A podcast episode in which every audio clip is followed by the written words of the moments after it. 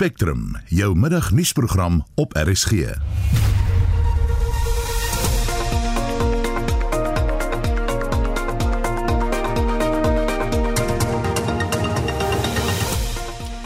In vandag se programme, die inval van Oekraïne deur Rusland het 'n beduidende impak op die wêreldekonomie. As lid van die BRICS ekonomiese gemeenskap, vra ons hoe moet Suid-Afrika re reageer op die konflik? En besnoeiings aan die weermag se begroting ry die onderhoud van kritiese infrastruktuur in die wiele. Dan is ons baie baie bekommerd oor ons vloot van vliegtye wat tans op die grond is en nie behoorlik onderhou word nie. Goeiemiddag en welkom by Spectrum. My naam is Susan Paxton.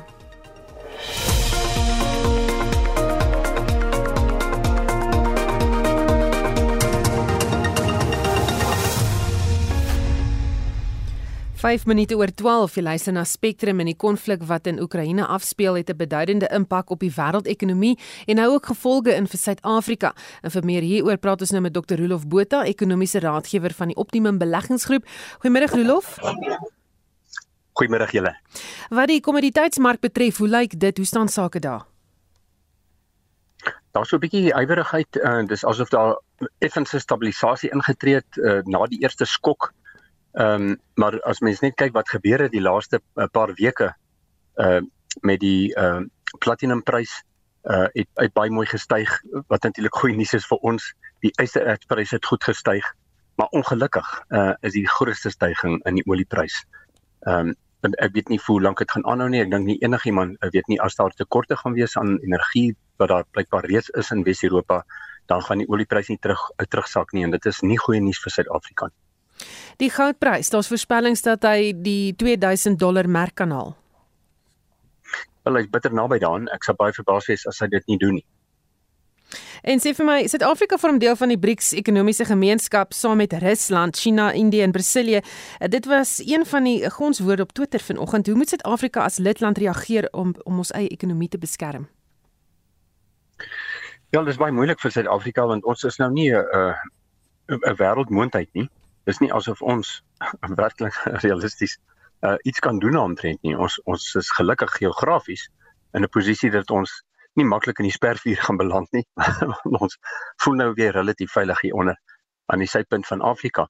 Maar dit is uh, wat my betref en ek dink baie Suid-Afrikaners sal my saamstem 'n verleentheid dat ons 'n uh, deel is van 'n groepering amptelik BRICS van 5 lande waarvan een land, Brasilië, ons bitter min handel mee bedryf. Ons het baie min met hulle in gemeen, behalwe nou in 'n streekverband die rol wat hulle daar speel in ons hierso. Ehm um, hulle het massas olie wat ons nie het nie en hulle het hulle eie problematiek. So daar's nie enige baie goeie ekonomiese rede vir Suid-Afrika om nou moeite te doen om uh, vir Brasilië op te hef na 'n hoë status wat handel betref. Dan sit ons met Indië en Indië is 'n natuurlike handelsvernoot van ons. Weens ons geskiedkundige betrekkinge met hulle daar's 'n deel van Suid-Afrika, ek maak altyd die grappie wat lyk soos India. ek dink die luisteraars sal weet waarvan ek praat. So dit ons sou in elk geval met hulle goeie handelsbedekking gehad het. Maar ons ander twee vennote in BRICS is China wat ons skuldig maak deurlopend aan gruwelike menseregte skendings en wat nie ons tipe grondwetlike uh, veiligheid het in beskerming van menseregte en van vryheid van spraak en en van stemreg nie. En dan met hierdie klomp uh hierdie klomp russe wat uh, in, in nou uh, met 'n uh, nuwe imperialisme vorendag kom en die hele wêreldekonomie nou op op sy kop uh, uh, gegooi. Uh, Regtig, ek is dis 'n verleentheid en ek ek dink die beste wat die regering nou kan doen is om te oorweeg om te sê maar ons ten minste net om te sê dat hulle heroorweeg Suid-Afrika se lidmaatskap van hierdie organisasie. Hmm. Dan uh, hierdie sanksies op Rusland deur die wêreld, gaan dit 'n impak hê op byvoorbeeld hier plaaslik in Suid-Afrika of beleggers daar? Ehm um, ek twyfel baie sterk of dit 'n invloed sal hê. Ons uh, handel met Rusland is minimaal. Uh, weer een nog nog 'n rede hoekom ek verbaas was destyds toe ons nou by BRICS aansluit behalwe weens een of ander snaakse ideologiese oorwegings. Uh miskien 'n geneigtheid na sosialisme of marxisme of een van daai ehm um, gemors ideologieë. Uh maar behalwe dalk vir sommige uh, Suid-Afrika lande wat wat koring invoer, maar ek kan my nie in my wildste drome dink dat dit nie vir Rusland moontlik gaan wees om aan te hou om koring uit te voer as daar tekorte sou wees in ons deel van die wêreld. En so aan en verder is ons handel met hulle minimaal. Dit dit gaan nie groot invloed hê nie. Ons beleggings in die buiteland, eh, daar dink meeste 'n noemenswaardige fondsbestuur Suid-Afrika sit met ehm um, miljarde rande se beleggings oor see. Die wat op die indien daardie beleggings in in dollar ehm um, aandele is of, of van Europese aandele behoort daar nie uh, binne die volgende paar dae nou wesenlike verskille te wees nie. Daar kan dalk hoë rentekoerse in Europa dit kan dit tot gevolg hê wat natuurlik hulle staatseffekte koerse waarskynlik 'n bietjie sal opskuif en uit daai perspektief uit kan daai belegging selfs miskien 'n bietjie beter doen. Ehm um, dit is die grootste enkele korttermyn gevaar vir Suid-Afrika is dat ons weens die baie hoë olieprys ehm um, en hoër inflasie vinniger rentekoersstygings gaan kry as wat andersins sou gewees het en dit natuurlik vat geld uit die sakke uit van mense met verbandlenings en dit is nie goed vir ons ekonomie nie. Hmm. Baie dankie. Dit was Dr. Rolof Botha, ekonomiese raadgewer van die Optimum Beleggingsgroep.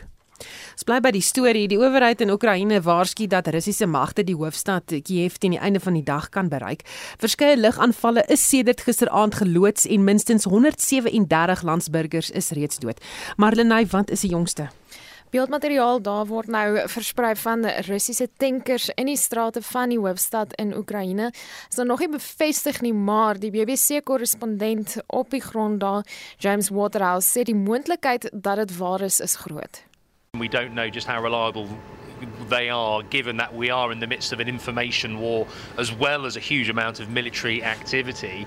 We've seen reports of, and colleagues have seen uh, gunfire, heavy gunfire, just a couple of kilometres away, further down the Dnipro River, between Russian saboteurs and Ukrainian forces. So security forces are putting up a fight, but I think when you take all of these things together, uh, Russian troops are moving in, and as far as the West is concerned, their goal is to remove the Ukrainian government. Nou, tienduisende landsburgers het reeds na Pole gevlug, maar mans tussen die ouderdom van 18 en 16 mag nie Oekraïne verlaat nie. Diegene wat agterbly, hulle nou na ondergrondse skuilings, soos treinstasies om veilig te bly teen lugaanvalle wat nou al aan die orde van die dag is daar. Oekraïne se president Volodymyr Zelensky het die media intussen vandag weer toegespreek. At 4 a.m., the Russian forces struck Ukrainian territory with rockets. They say that civilians are not a target. It's a lie. The reality is that they don't differentiate between which areas to attack. Ek moet net gou regstelling daar maak ek gesê 18 en 16 maar die ouderdom van mans wat nie die land mag verlaat nie is 18 en 60. Rusland hou egter vol dat hy slegs militêre infrastruktuur teiken en beweer dat daar reeds tientalle militêre basisse in Oekraïne vernietig is. Daar word tog aan inwoners gesê daar hulle hoef nie die Russiese magte te vrees nie, dat dit net 'n demilitarisering sending is en dat hulle na die militêre ingryping in die land vir hulle eie leiers kan kies. Die kwessie oorheers gesprekke op sosiale media, die gonswoorde daar Russia, Putin, NATO en World War 3. Minstens 20 miljoen tweets is nou in die verband uitgestuur het ek nou nou getel. Is ook groot nuus op TV nuusbulletins op hierdie stadium ek sien hier op die TV in die ateljee dat president Cyril Ramaphosa ook begin reageer hierop. Hy vra dat daar gesprekke gedoen word. Een van die opskrifte was hier um the liability for 20 ag eerder hy nou nou hier op die TV het hy gesê in Engels Wales, we have to mediate the situation.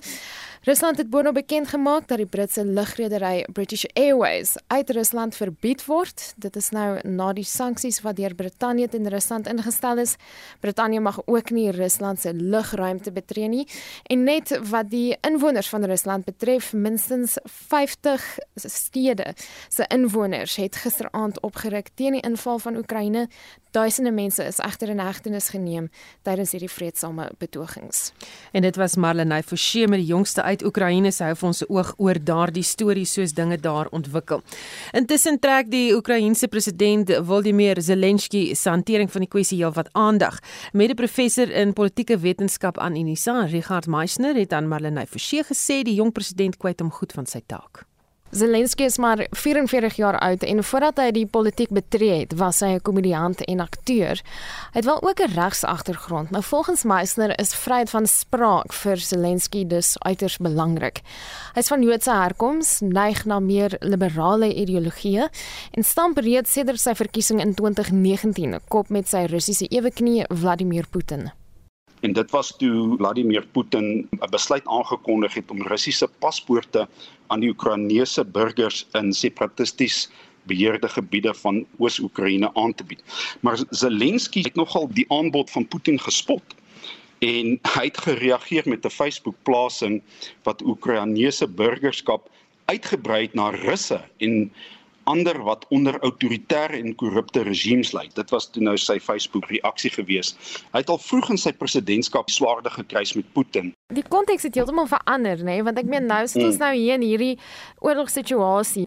Mens dink byvoorbeeld aan daardie video wat hy opgeneem het vir inwoners van Rusland waar hy in Russies met die mense praat en sê, mm. "Hoorie, help ons." Jy kry dat hy gaan praat met Amerikaanse media voor maandag se aankondiging. Wat dink jy van hierdie benaderings van hom?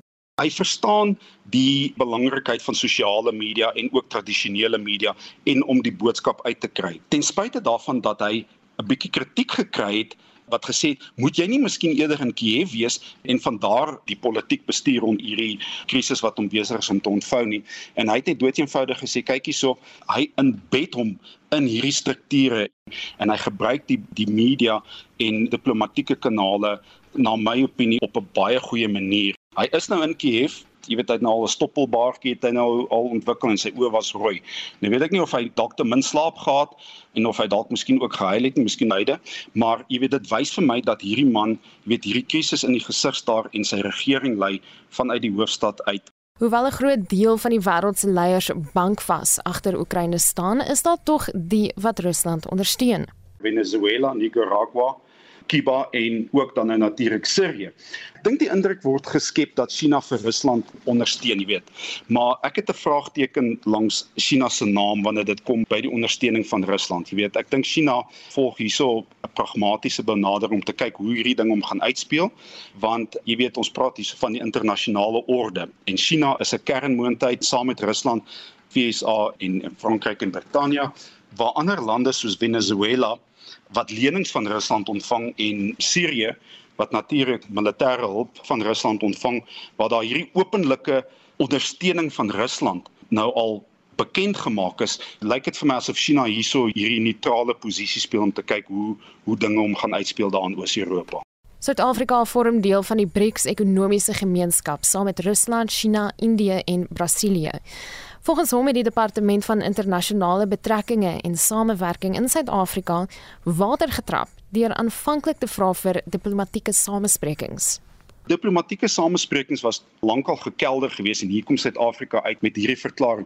En nou die posisie verander, jy weet, deur te sê Rusland moet uit. Ek dink dit is ook 'n reaksie op die Keniaanse ambassadeur in die VN wat 'n passievolle toespraak gelewer het oor die integriteit van Afrika se grense alhoewel hulle koloniale grense was, respekteer ons daai grense en daai grense moenie verander word deur gewelddadige konflik nie. Dit was 'n mede-professor in politieke wetenskap aan Unisa, Richard Meisner. Marlene Forsie, SAK nuus. 19 minute oor 12 jy luister na Spectrum die wêreldlandbeorganisasie het wêreldleiers gevra om spoedige oplossing te kry vir die oorlog tussen Oekraïne en Rusland die WF, WFO sê al die gebeure daar bedreig voedselsekerheid uh, ons praat nou met Theo de Jager die president van die WFO goeiemôre Theo Goeiemôre, dis 'n voorreg om met jou en jou luisteraars te gesels. Ja, want jy is nie tans in Suid-Afrika nie, ons gaan nou daaroor gesels. Hoekom is jy bekommerd oor voedselsekerheid? Daar's twee belangrike redes. Dit gaan in die eerste plek oor die feit dat dat Oekraïne onder die top 10 produsente is vir 'n hele klomp graansoorte, onder andere sonneblomsaad, gars, koring, mielies. Ehm um, en en tussen Oekraïne en Rusland is hulle twee saam verantwoordelik vir omtrent 30% van alle graan wat in die wêreld oor grense verhandel word. So daar's 'n noodwendige implikasie vir basiese voedselsoorte vir vir, vir stapelvoedsels. Maar dit gaan 'n bietjie verder as dit. Dit gaan ook oor die voorsiening van energie vir boere en rondom hulle veral in Europa en dit gons nogal hier in ehm um, Rome en ook in Duitsland waar waar ek vanmiddag heen moet gaan. Die boere is bitter bekommerd dat die tekorte aan energie kan ehm um, hulle knie halter om aan te gaan met hulle produksie vir hierdie seisoen. En dan gaan dit natuurlik ook vir oor oor die grondstowwe vir soveel kunsmis wat uit uit hierdie gebied kom en en wat oral oor die wêreld heen verskeep word. Nou, julle praat dan nou vandag met boere op die grond daar. Wat het julle al gehoor? Kyk, ons het lede aan albei kante van hierdie konflik. Die die die Russiese Nasionale Landbou Akkor is 'n baie prominente lid van die Wêreldlandbouorganisasie. Ons het gister met hulle gesels en weer vandag met hulle gesels. En natuurlik is gaan dit oor die die boere in Oekraïne. Nou die die tragiese deel hiervan is natuurlik dat ehm um, hierdie boere ook gedurig met mekaar gesels en albei hierdie groepe boere is baie lojaal teenoor hulle regerings en baie emosioneel oor wat besig is om te gebeur. Onthou die boere gaan nêrens heen nie. Die die uh, mense wat nou op op vlug slaan en wat oorstroom wat op pad is na die grense van Oekraïne. Dis dis mense in stede. Op 'n manier voel die boere 'n bietjie minder kwesbaar in die oorlog omdat hulle nie so dig op mekaar woon nie en die bomme word gewoonlik nie afgegooi oor oor plase nie. Maar ehm um, 'n mens gesels so met die boere en dan die volgende oomblik ehm um, breek die stem en is is is daar trane. Me, me, mense is ontsettend gespanne. Hulle is baie bang. En dit gaan ook natuurlik oor die oor die geweldige ontwrigting beide in die produksieproses en in die markte waarin hulle voorsien. Ja. Die, jy het nou gesê jy's in Rome, jy's op pad te Berlyn toe. Wat is die gevoel op die grond daar oor gebeure in Oekraïne? Net so gespanne. Ehm um, die die boere sê vir ons dis hoe wêreldoorloë begin en en duidelik is die herinnering van die vorige wêreldoorloë is baie vlak ehm um, in hulle geheue. Ehm um, in in die, in die spanning gaan daaroor dat boere aan albei kante sê hier's nou drie scenario's vir hulle of hierdie ding kan baie vinnig oorwees en almal bid daarvoor. Ehm um, want want aan die einde van enige oorlog is daar tog in elk geval onderhandeling en dan kom maar 'n nuwe skikking wat die basis vorm van ehm um, herstel. Die die vraag is net wat is die prys om tot daar te kom? Hoe hoeveel mense moet ly voordat 'n mens op daai punt uitkom?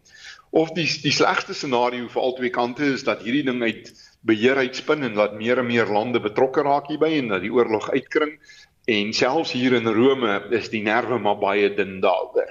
Almal sê hierdie is die area waar waar wêreldoorlog maklik begin en en hulle sê dit is hoe dit in die verlede Lyk vir my ons het hom daar verloor. Ongelukkig, hy is tans in Rome, hy is op pad Berlyn toe. So uh, ons uh, het nou maar staat gemaak op 'n internetsein wat nou net nie gewerk het daar nie, maar dit was die president van die WFO, Theo De Jager. Ek dink jy het die uh, die idee, die punt gekry wat hy probeer oordra dat mense is bang, mense is gespanne nie net in Oekraïne nie, maar uh, selfs ook in Rusland. So uh, baie interessante prentjie wat Theo vir ons daar geskets het.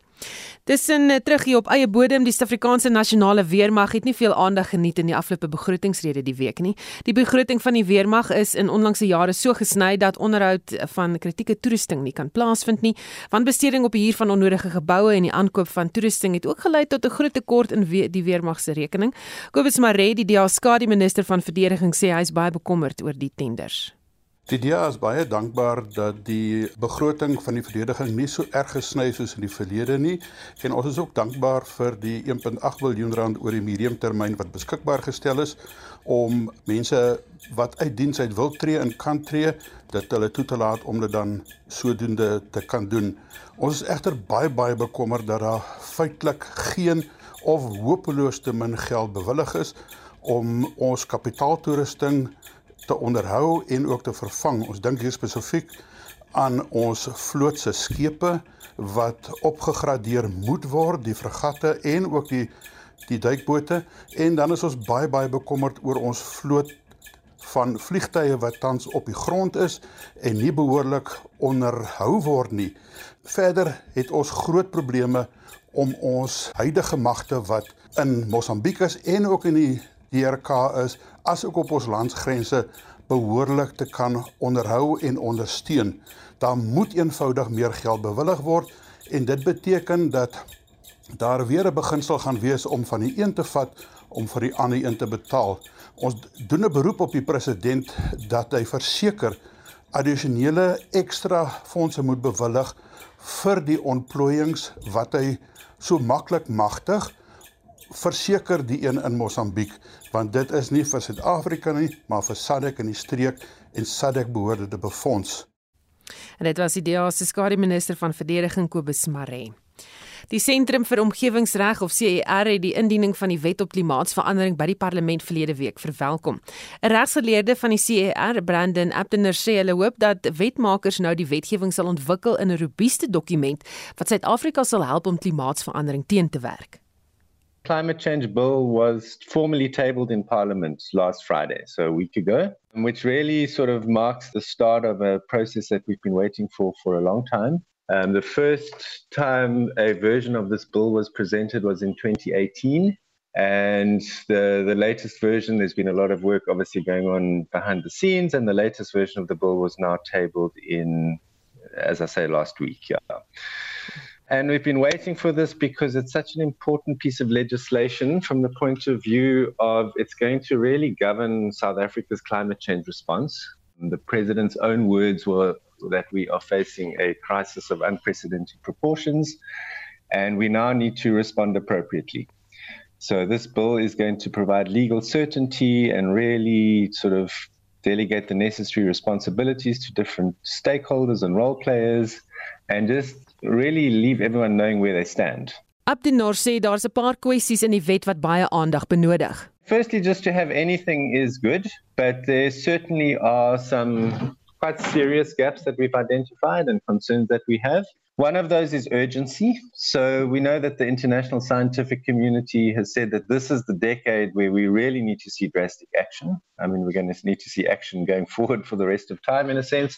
But this is the decade where we can make a really big difference. We are trying to limit global warming to one and a half degrees over pre-industrial levels because that's what the science tells us is a safe limit. It's a soft limit. It's not that you know it's a it's a hard and fast sort of watershed, but that is the limit at which we can really keep most of the impacts to a reasonable level. And in order to do that, we need to reduce our greenhouse gas emissions. That's globally by 45% by 2030. So that's a really steep reduction, and that has huge implications on the way we, we live and do business.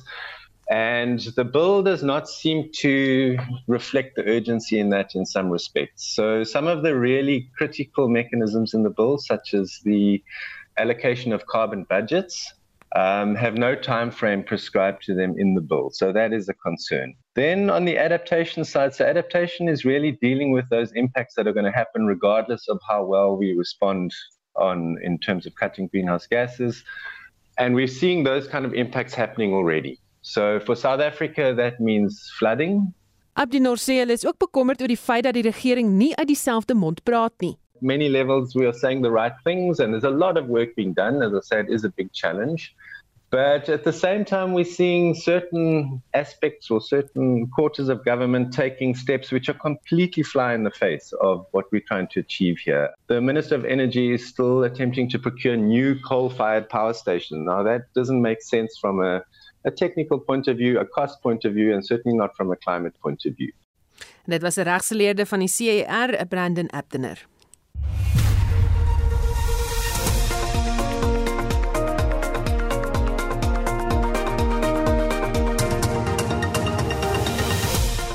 In die tweede deel van die program, 'n nuwe kankernavordingsinstituut spesifiek vir pasiënte in Sub-Sahara Afrika beloof om behandeling aan meer kankerleiers te bied.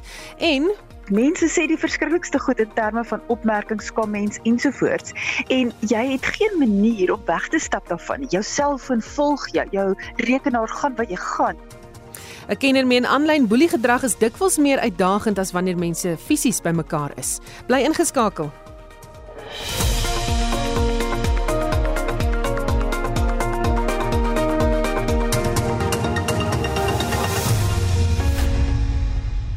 1232. Jy luister na Spectrum. Die toestaan van 'n 9,61% kragtariefverhoging gaan verbruikers se geldsaake op 'n groot skaal beïnvloed. Die energiereguleerder Nersa het gister aangekondig dat hulle die verhoging aan Eskom toestaan. Ons praat nou met 'n dosent aan die skool vir chemiese en mineraal ingenieurswese aan die Noordwes Universiteit, Corneel Skabort. Goeiemôre Corneels. Goeiemôre Susan. So Eskom het gevra vir 20% en 9,61% gekry. Hoekom? Wel, NERSA het hulle formule waarvolgens hulle bepaal wat is daai verhoging wat wat billik is. Ons moet onthou eintlik en dit lyk nie altyd so nie, maar NERSA se werk is om uit te kyk vir ons die verbruiker op die einde van die dag. Maar die realiteit is hierdie is die laaste keer wat daar van hierdie formule gebruik gemaak gaan word sal onthou eintlik wou hulle alreeds vroeër 'n ander formule gebruik het en dit was die hof toe en Eskom het hulle hof toe gevat en Eskom het daai saak gewen. So hierdie verhoging is nou toegestaan. Ons weet van hier af vorentoe moet daar 'n ander metodiek ontwikkel word om te bepaal wat is billik en wat mag Eskom basies dan nou kry addisioneel vir kragvoorsiening. So hulle het gevra vir 20 Hulle het 10 gekry. 10 is steeds ongelooflik baie. Ek bedoel dit is soos mens voel bly mens wil op en af spring. Dis net 10, dit sou 20 gewees het. 10% is ver bo inflasie en dit gaan op die einde van die dag ons almal se sakke raak. So hierdie verhoging gaan 1 April in werking tree. Vir ons in die munisipaliteite sal dit eers hier van Julie maand af uh in werking tree want die munisipaliteite, die metros, hulle gaan ook by Nersa met ons doen. Maar net om iets in perspektief te stel, Susan, As ons van die gemiddelde prys van Eskom rand 30, net bietjie meer as rand 30 vir 'n kilowattuur, gaan dit nou opgaan na rand 45 min of meer. Ons moet onthou, daar's goedkoop krag in die vorm van steenkool, uh, kernkrag en van die goedkoop sonkrag wat ons kry, maar daar's ook duurder as Eskom sy ook siklus gasturbines moet hardloop. Dan is dit R3, R4 per kilowattuur, maar daai gemiddelde prys R1.45. Nou vergelyk dit met wat jy en ek betaal, R1.85, R2 meer daai wins ek maak 'n groot vraagteken agter daardie bedrag wat verhaal word want die formule wat daar gebruik word deur die munisipaliteite is veronderstel om hulle te vergoed vir die koste wat aangegaan word om aan ons gewone mense krag te voorsien. En wat tans gebeur die laaste paar jaar, gebruik munisipaliteite of eerder misbruik munisipaliteite elektrisiteitsverkope om alternatiewe funksionaliteite te finansier en dit gaan definitief aangespreek moet word en ek hoop Nersa sal daarna kyk van hier af vorentoe. So die doel wat was nooit om wins te kan maak vir, jy weet, om die koffers vol te hou van 'n munisipaliteit nie, dit was net om kostes te dek. Absoluut. Ek verstaan daar's kostes wat aangegaan moet word om substasies te onderhou, om kabels daar te lê, om seker te maak jy en ek het krag vir ons huise. Maar wat tans gebeur is presies dit. Nou is hierdie die goue gaans, maar eintlik is dit 'n beperkte gaans want ons sit met wanbetalers en dit is eintlik skriwend as mens kyk wat in die metros gebeur die laaste ruk waar selfs staatsdepartemente nie hulle rekeninge betaal nie. So dit beteken daar's hierdie klein pool mense en krag is maar soos brandstof. Die brandstofprys gaan op. Wat doen ons? Jy het nie 'n keuse nie. Jy kan nie ophou ry nie. Jy moet maar betaal. En dieselfde met elektrisiteit. As jy nie betaal nie, word jou krag afgesny. So dis 'n manier hoe munisipaliteite eintlik die gewone burger boelie, 'n klein deel om op die eind van die dag hulle koffers vol te hou. Dit was nooit die idee gewees ja. van kragverkope nie. Cornelis staan op 'n ander noot. Die Russe het gister Chernobyl oorgevat in die oorlog in Oekraïne. Hoekom sou hulle die plek wou hê? Susan ja, ek wil net begin met te sê dit is absoluut tragies wat in Oekraïne plaasvind en ja, ek het geluister na van die vorige sprekers ook. Ek dink die feit dat die Suid-Afrikaanse regering so 'n passiewe houding inneem teenoor mensevergrype en absolute blaatante oortreding van internasionale reg is vir my 'n skande dat Suid-Afrika stil. Ek wil net dit eers net van my hart af gekry het. Maar die rede hoekom uh Rusland dan nou daardie strategiese area ingeneem het, het nie soveel te doen met kernkrag of enigsins iets met daai katastrofe wat plaasgevind het in 1986 nie. As ons kyk, Rusland het van verskeie oorde af Oekraïne binnegeval en die kortste pad van Minsk wat die hoofstad is van Belarus tot in Kiev wat die hoofstad is van Oekraïne is deur Chernobyl. So hulle het basies daai area oorgeneem om op die einde van die dag so gou as moontlik 'n inval te kan loods vanuit die noorde. Daar's wel bepaalde risiko. Ons moet weet daar's 'n sarkofaag wat tans die een reaktor wat die ontploffing gehad het in 86 wat dit bedek vir veiligheid. Die probleem is as daai area versteur word, as daar enige ontploffing tans plaasvind, kan dit nie net die Oekraïne in 'n baie groot gevaar plaas nie, maar letterlik die hele Europa. Met ander woorde, hierdie is iets wat opgehou moet word. Ek wil nou nie stoke opjaag nie, maar daar is bepaalde risiko, maar die rede hoekom Rusland heel waarskynlik dit gedoen het, is om hulle onwettige inval van die Oekraïne nog verder te bespoedig vanuit Belarus. Baie dankie. Dit was die mening van 'n dosent aan die skool vir chemiese en mineraal ingenieurswese aan die Noordwes Universiteit Corneel Skambort. Die brandstofprys is pas bekend gemaak deur die Sentrale Energiefonds. Motoriste sal nou tussen R1.29 en R1.32 per liter betaal. Ons praat nou met die ekonom Ulrich Huber. Goeiemôre Ulrich. Ulrich, goeiemôre Susan. Daar sê. Kom ons kyk gou-gou na die pryse wat bekend gemaak is. Hoe staan sake? Ja, wel as jy mense gaan kyk, uh R1.32 op brandstof, uh as jy nou kyk na petrolpryse is nou R20.14. So ons gaan dan in in Gauteng dan gaan die mense daar R21.46 betaal per liter. Uh ek het nogal nou die dag gesê as die onsekerhede en die uh, ontwrigting wat tans daar in Oos-Europa plaasvind sou voortduur en die oliepryse sou verder styg dan sit die mense natuurlik met die risiko dat ons selfs tot R25 per liter sou kon betaal. Maar goed, dit sal afhang van wat met die oliepryse gebeur en wat met die rand gebeur. As jy mens gaan kyk uh, op die oomblik die oliepryse nou weer net so onder 100 dollar vat, terwyl die rand so by 15 rand 34 ja 15 rand 30 31 teenoor die dollar is.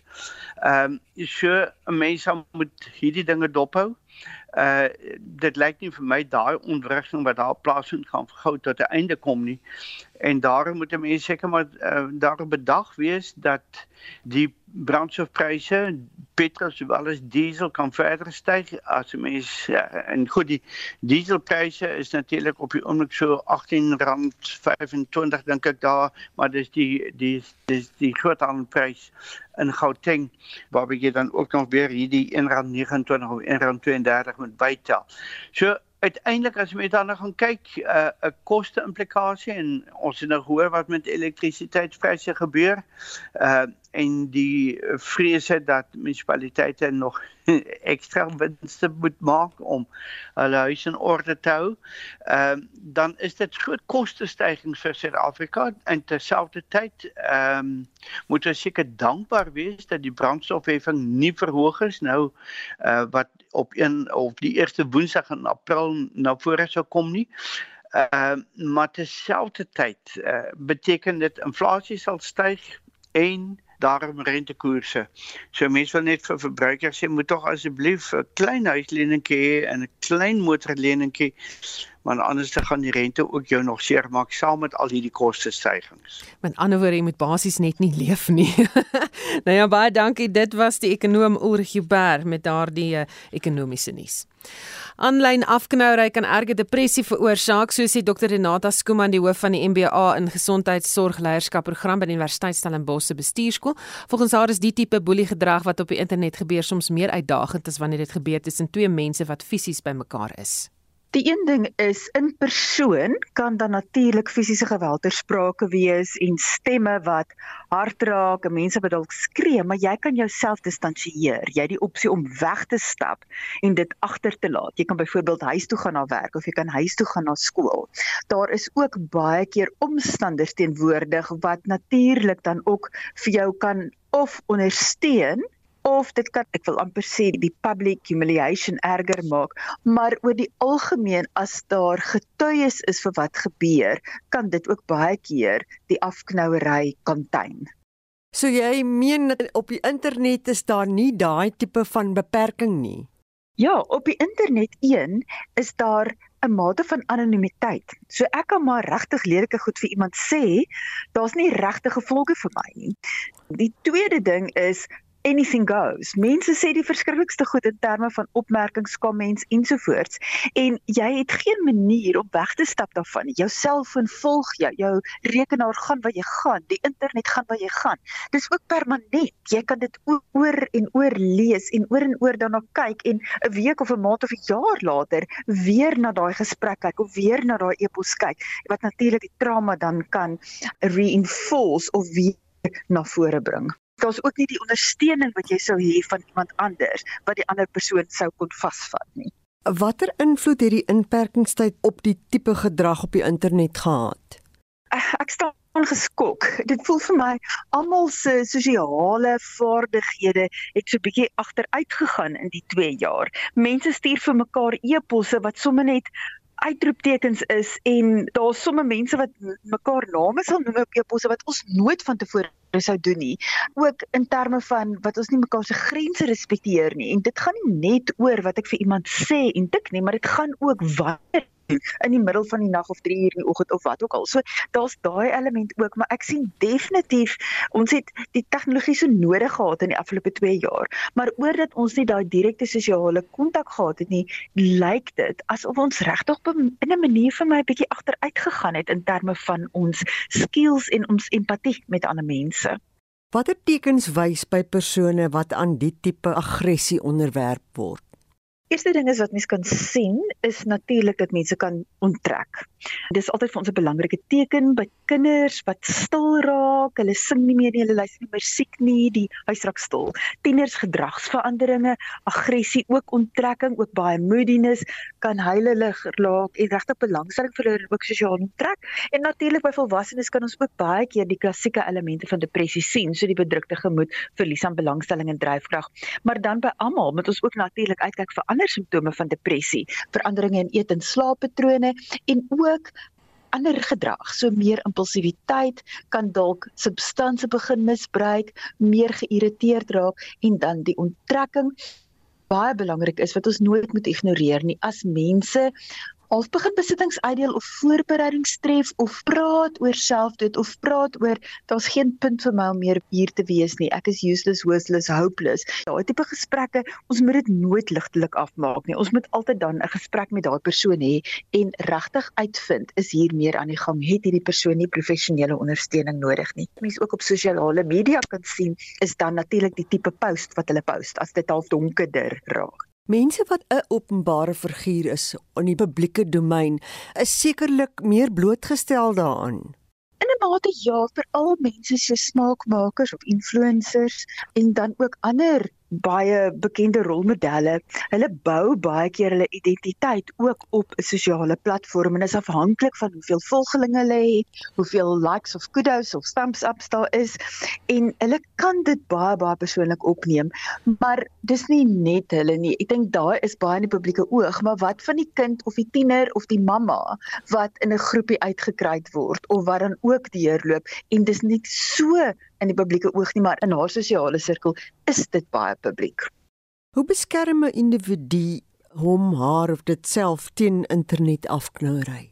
Ek dink die een ding is om te waak om altyd konteks te hou, om kommunikasie te bevorder en ook dan jou connections. Met ander woorde, as daar enigsins so iets is, is dit belangrik om met jou vriende of jou familie of jou ouers of 'n sip of wie ook al te praat wie jy vertrou of selfs 'n kollega by die werk as dit by die werk gebeur net om half konteks te kry want baie keer dink mense dis jouself wat iets verkeerd gedoen het of jy begin glo wat die afknouer sê en net om konteks te kry daarvoor en dan om regtig weer net seker te maak jy het 'n real life fisiese verhoudinge ook wat weer opbouend is en wat net jou kan dra en hou tydens hierdie ongemaklike proses ook. Dit was professor Renata Skumans, hoof van die MBA in Gesondheidsleierskap program. Sy is by die Universiteit Stellenbosch se bestuurskool en sy het met Mitsi van der Merwe gepraat. Die omstandighede wat gelei het tot die selfdood van die kletsrymer Ricardo Rikirik Makado is nie bekend nie. Aanhangers het egter op sosiale media uitgevaar teen mense wat hom afgeknou het op Twitter na hy vroeër 'n video geplaas het waar hy met sy vrou dans. Op die video lyk sy nie gretig om te dans nie en dis hierop waaroor mense hom toe nou aangeval het. Ricardo het vroeër ook erken dat hy aan depressie ly. I've suffered from depression, you know, mm -hmm. chronic depression, you know. I've suffered from, uh, you know, a lot of mental anxieties that I don't like to share too much because it's like something I want to deal with internally. I never want people to feel like, oh, let's be precious. Oh, he's precious. You know, treat this guy differently, he's sensitive, which I am. Nou ja, dit was uh, uh natuurlik die stem daar van uh, Ricky Rick soos hy bekend gestaan het. Vir meer oor depressie onder mans praat ons nou met professor Pieter Kreer, 'n kliniese sielkundige en direkteur van die Instituut vir Sielkunde en Welstand by die Noordwes Universiteit. Goeiemôre Pieter. Daar is dan goed om te gesels.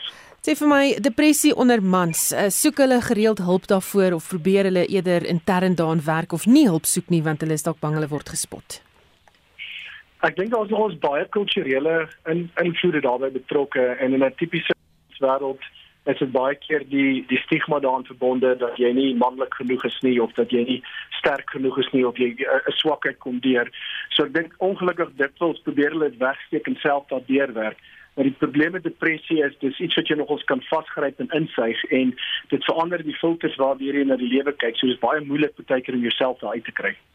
Wat van raad vir mans met depressie en dalk mense om hulle wat hulle kan help, hoe hulle kan help? Um, ek dink die belangrike ding die mense om hulle is om die die simptome raak te sien, die veranderinge in gemoed en en baie van die simptome wat die wat die vorige spreker genoem het daarso, maar ehm um, ek dink die wat mens moet verstaan van iemand wat deur depressie gaan is hierdie hulle noem dit die kognitiewe driehoek van hoe hulle die lewe aanskou. En dit sluit nogals in dis 'n negatiewe uitkyk op die toekoms, so hulle voel hoe hulle nou voel gaan nooit verander nie, so hulle hulle ehm um, hierde word die realiteit en hulle enigste werklikheid en dan het hulle baie negatiewe gevoelens rondom hulle self, maar hulle glo ook ongelukkig dat ander mense hulle nie gaan help nie. Hulle glo dat mense hulle gaan veroordeel en die swakheid in hulle raak sien. So die geneigtheid om te wil uitreik en hulp te vra is is uiters laag. So as jy mense uh, gewaar wat weet mense naby jou wat hierdie simptome ervaar, reik uit, vra net ten minste hoe gaan dit? En as jy self agterkom jy's in 'n spiraal, jy moet onthou dat dit is nie noodwendig die geval dat mense jou nie gaan wil help nie. Ek dink dit is baie keer die teenoorgestelde mense is baie bereid om te luister as jy bereid is om uit te reik en te vra vir hulp. Baie dankie. Dit was professor Pieter Kreer, 'n kliniese sielkundige en direkteur van die Instituut vir Sielkunde en Welstand by die NWI. Die sakenis word aangebied deur Kobus Heisamen van Sanlam Private Welvaart in George. Goeiemôre Kobus. Goeiemôre Susan en al die luisteraars.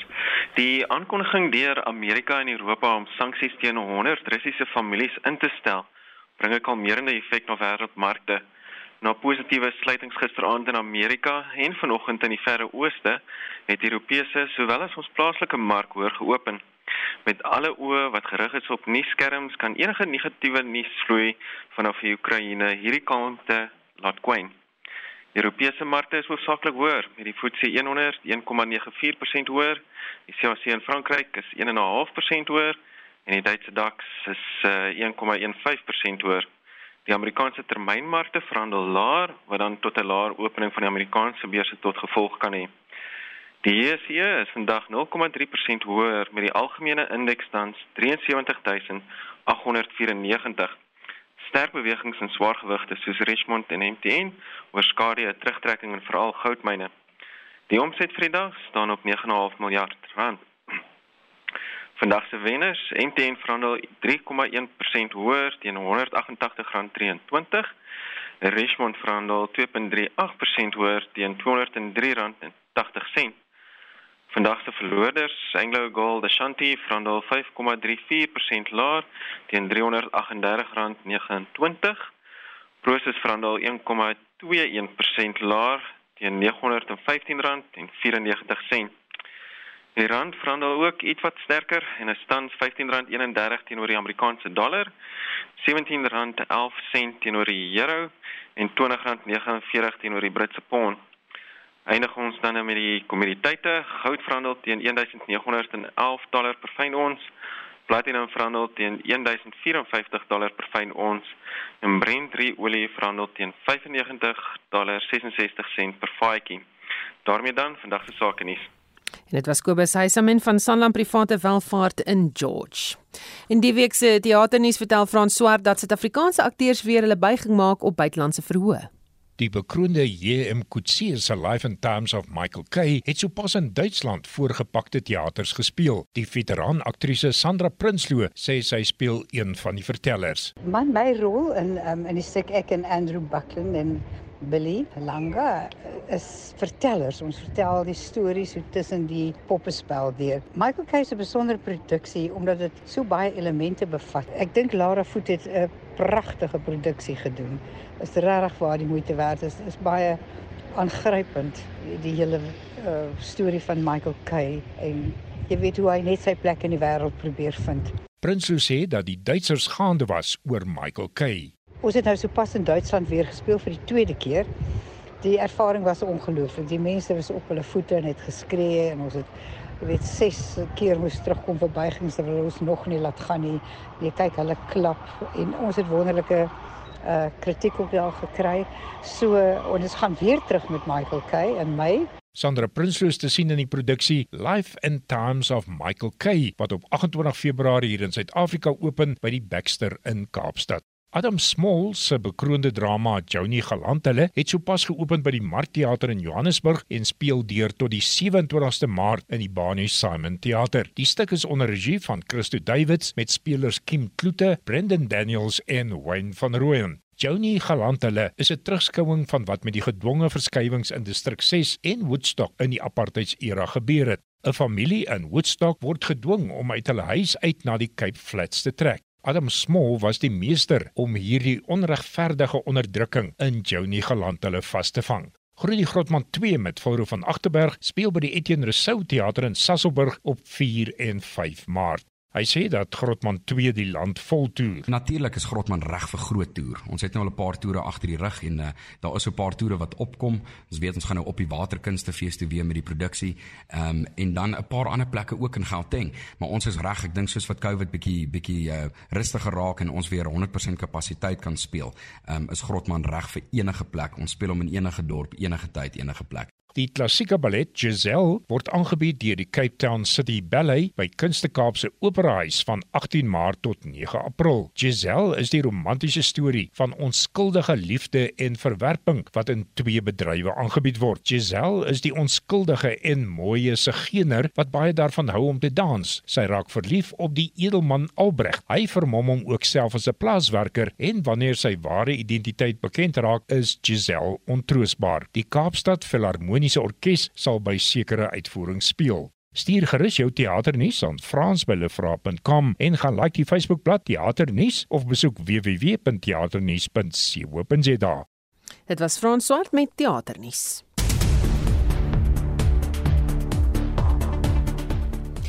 Vir die nuus en ontwikkelende stories praat ons nou met Estie. Estie?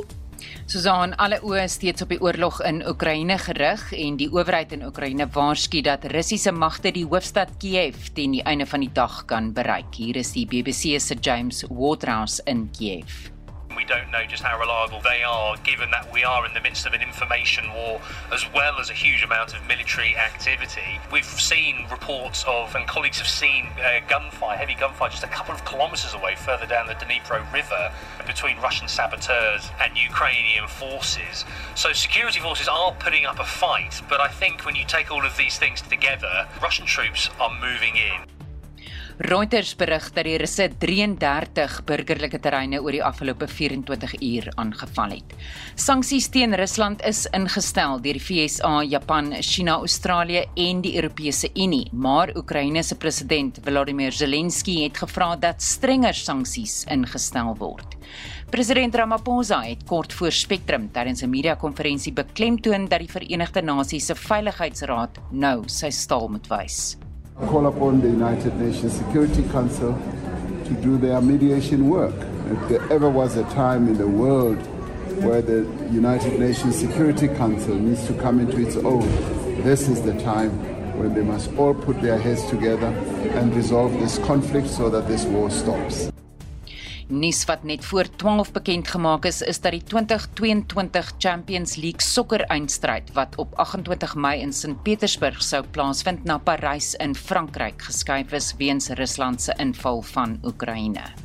En die konflik het 'n beduidende impak op die wêreldekonomie en hou ook gevolge in vir Suid-Afrika, sê die ekonomiese raadgewer van die Optimum Beleggingsgroep, Dr. Rudolf Botha.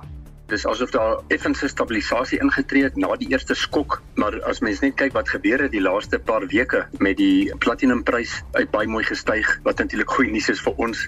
Die ysterertsprys het goed gestyg, maar ongelukkig is die grootste stygings in die olieprys. En ek weet nie hoe lank dit gaan aanhou nie. Ek dink nie enigiemand weet nie as daar tekorte gaan wees aan energie wat daar blykbaar reeds is in Wes-Europa, dan gaan die olieprys nie terugsak nie en dit is nie goeie nuus vir Suid-Afrika nie. 'n ligte vlerk vliegtyg het vanoggend naby die Lanseria lughawe neergestort en paramedici op die toneel sê die vlieënier en een passasier word vir matige beserings behandel.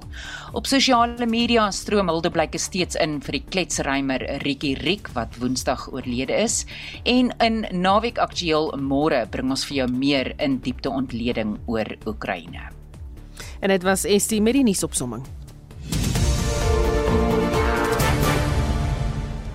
Onthou vorige uitsendings van Spectrum is beskikbaar op Potgooi. Gaan net na RSG se webblad by www.rsg.co.za.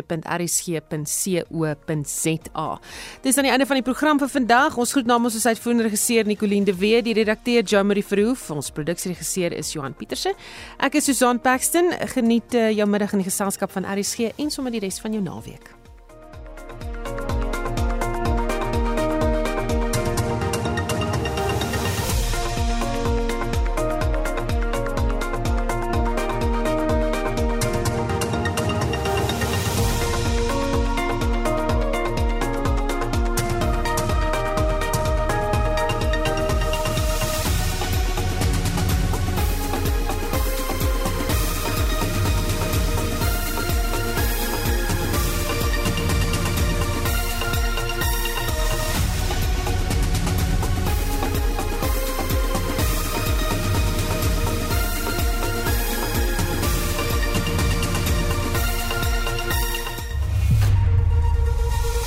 SAK nuus.